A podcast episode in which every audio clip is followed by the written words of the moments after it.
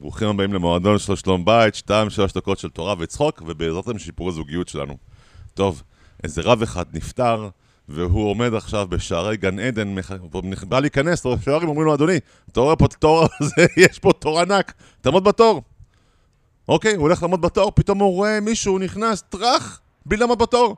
אז הוא שואל, רגע, רגע, איך זה שהוא, נהג מונית, לא עומד בתור, ואני עומד בתור? אז אומרים לו, תשמע, אדוני, הוא, כשהוא היה נוהג, הוא היה נוהג כל כך מהר, שאנשים שבחיים שלהם לא התפעלו, התפעלו, אמרו שמע ישראל עם כל כוח, שלהם. אתה לעומת זאת, שאתה אמרת דברי תורה שלך, אנשים נרדמו. טוב, זו הסיבה שאני מספר בדיחות פה, שאנשים לא ירדמו, אוקיי? הנושא שלנו היום זה התפילה. שמע, נכון? התפילה. אתה רוצה שלום בית, נכון? תתפלל לזה. אנחנו רואים בפרשה, פרשת תולדות, שרבקה. ויצחק מתפללים והשם שומע עליהם. אבל השם שומע, לא שומע לכל תפילה. השם שומע לאלה שקראוהו באמת. קרוב השם לכל, לכל אשר יקראו באמת. המילת המפתח פה היא באמת. אז בואו נראה מה זה תפילה באמת זכה. מהי תפילה כשרה? מי באמת קורא להשם באמת? טוב, בוא נראה. כשאתה עכשיו נוהג במכונית על נתיבי איילון, למה אתה שומע?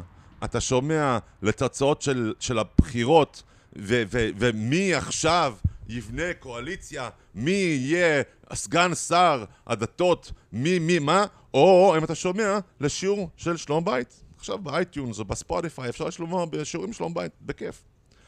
כשאתה עכשיו אוכל את ארוחת הצהריים הדשנה שלך, העסיסית שלך, אתה חושב על האימייל שלא שלחת בעבודה, או על האימייל שאתה הולך לשלוח בעבודה, או אם אתה חושב על איזה מחמאה עסיסית לאשתך שהכין לך את הסנדוויץ'.